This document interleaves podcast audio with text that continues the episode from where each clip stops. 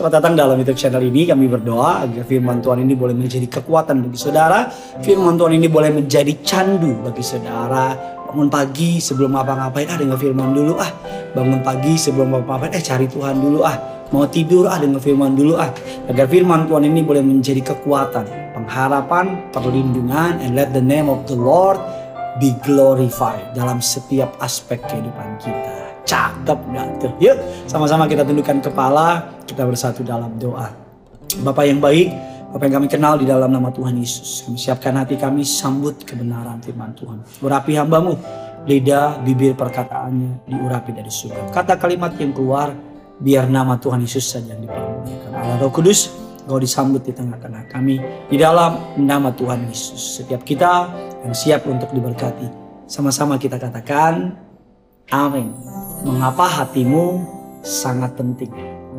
Suatu hari anak saya karena jatuh saudara, ada luka di uh, beberapa area dalam tubuhnya. Hanya beberapa waktu ketika lukanya eh, nggak uh, nyampe satu hari bahkan nggak nyampe lima jam setelah kami ajak bercanda-bercanda dia ketawa lagi ketawa lagi dan bukan sekali dua kali anak saya Genesaret bisa dari sedih tiba-tiba senang bahkan mungkin hidupnya lebih banyak senengnya lebih banyak ketawanya. Matanya tuh bener-bener uh, apa ya uh, menampilkan sebuah hal yang yang menyenangkan positif. Ada energi yang yang menurut saya luar biasa ketika lihat dia tertawa senyum dan sebagainya. Luapan kegembiraan mereka itu contagious apa ya uh, menular kepada saya. Saudara tahukah saudara bahwa Tuhan bilang bahwa barang siapa ingin bisa masuk dalam kerajaan surga harus seperti anak kecil. Mengapa? Karena anak kecil selalu dapat melupakan masalah-masalah yang terjadi sama dia dan hidupnya bersuka cita. Penuh dengan rasa canda tawa, sering tersenyum, bahkan membuat orang-orang di sekitar kita ingin deket-deket sama anak kecil. Makanya anak kecil menjadi orang-orang suka ada anak kecil. That's why dalam Amsal 17 ayat yang ke-22 mengatakan demikian. Hati yang gembira adalah obat yang manjur, semangat yang patah mengeringkan tulang. Penelitian membuktikan bahwa hati yang gembira adalah resep yang ampuh untuk mengalahkan stres, meningkatkan sistem imunitas yang luar biasa, memperpanjang usia, bahkan yang terpenting ayat di atas menunjukkan bahwa bukan keadaan yang mengatur sukacita kita, melainkan hati kita yang menentukan. Kalau kita nggak bisa kendalikan situasi, kita selalu bisa kendalikan hati kita. Kalau kita nggak bisa kendalikan apa omongan orang, kita selalu bisa kendalikan bagaimana hati kita merespon. Mengapa hati itu penting? Dikatakan 1 Samuel 16 ayat yang ke-7, tetapi berfirmanlah Tuhan kepada Samuel, janganlah pandang parasnya atau perawakannya yang tinggi. Sebab aku telah menolaknya. Bukan yang dilihat manusia, yang dilihat Allah. Manusia melihat apa yang di depan mata.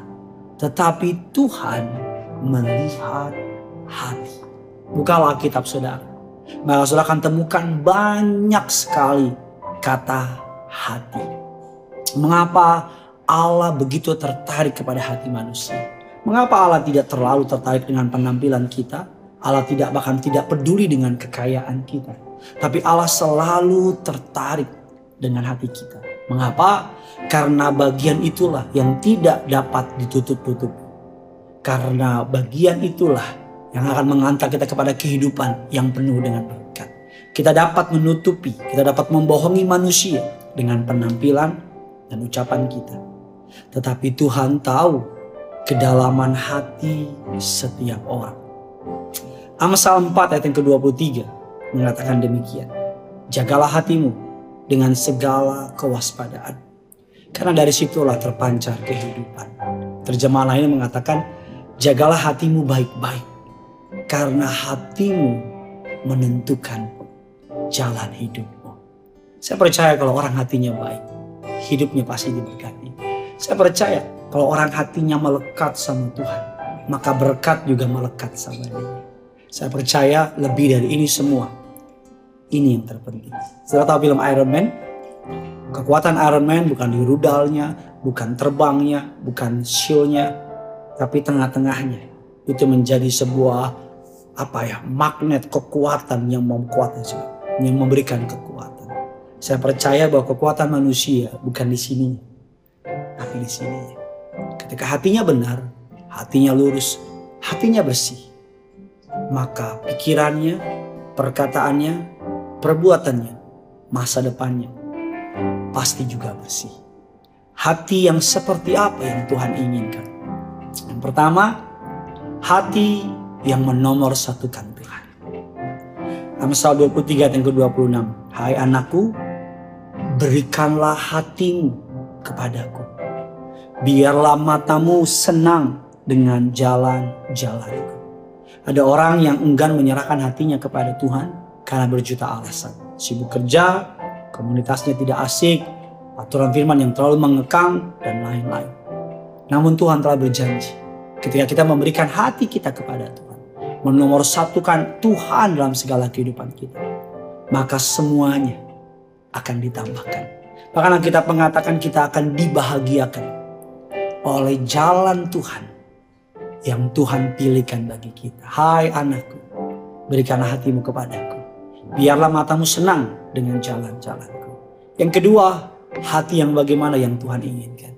Hati yang meluapkan hal yang baik. Tetapi apa yang keluar dari mulut berasal dari hati. Itulah yang menajiskan orang. Matius 5 ayat yang ke-18.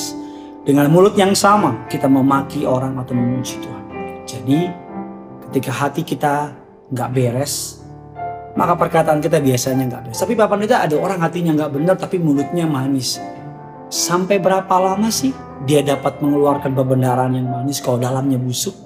Sampai berapa lama sih bisa ngomong firman kalau dalamnya busuk?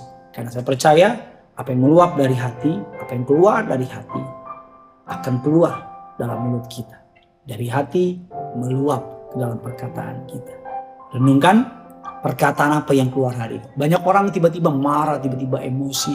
Banyak orang berpikir yang buruk, berkata yang buruk, bersikap yang buruk. Karena hatinya pasti mengalami hal yang buruk. Yang ketiga, kita mengatakan demikian. Berbahagialah orang yang suci hatinya. Karena mereka akan melihat Allah. Yang ketiga adalah hati yang bersih dari segala hal yang jahat. Hati yang bersih dari segala hal yang jahat. Amsal 14 ayat yang ke-30. Hati yang tenang menyegarkan tubuh. Tetapi iri hati membusukkan tulang. Iri hati tidak dapat dilihat dengan kasat mata. Tetapi Tuhan melihat orang dan Tuhan tahu isi hati orang tersebut. Berhentilah iri hati sama orang lain. Karena itu merusak diri sendiri dan tidak akan membawa sukacita dalam hidup kita.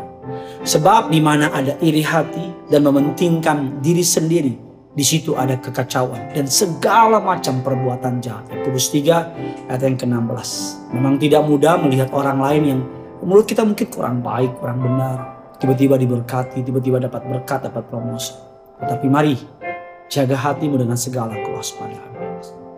Jangan sampai saudara kehilangan sukacita. Daripada hitungin berkat orang lain, hitung berkat yang saudara terima. Lakukan tiga hal ini, maka saudara akan melihat berkat-berkat yang Allah luar biasa.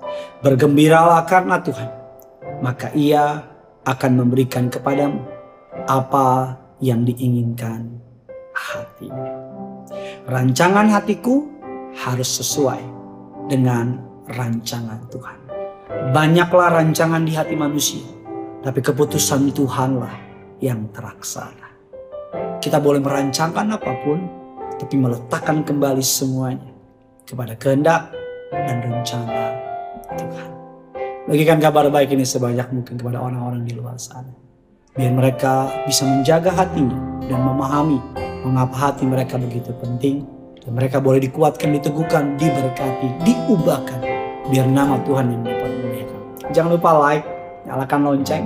Jangan lupa subscribe agar semakin banyak yang subscribe, semakin banyak firman ini bisa disampaikan, didengar oleh banyak orang-orang di luar sana. Mari sama-sama kita datang sama Tuhan. Haleluya. Sama-sama kita datang menyembah Tuhan. Haleluya. ku tak melihat jalanmu Saat ku tak mengerti rencanamu. Namun tetap ku pegang janjimu. Pengharapanku hanya padamu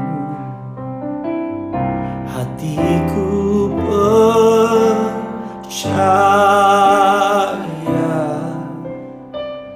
Hatiku percaya.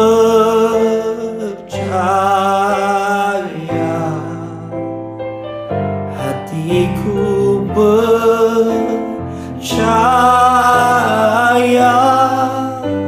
Selalu ku percaya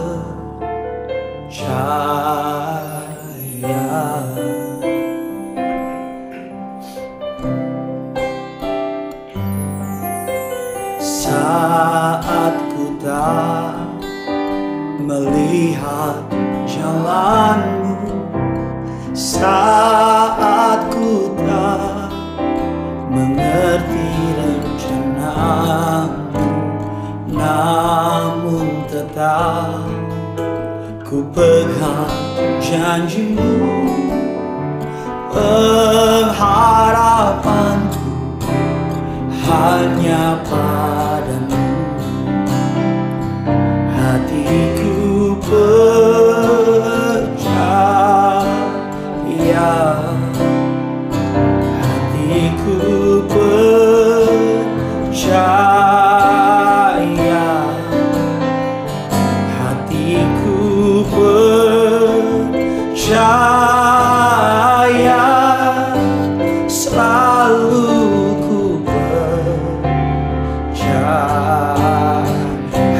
Hatiku percaya.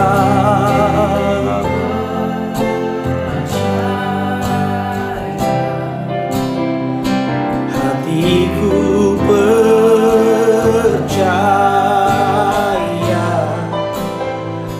Hatiku percaya.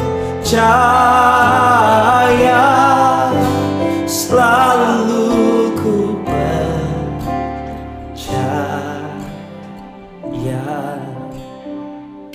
punya surga Rezin Loveti Bye-bye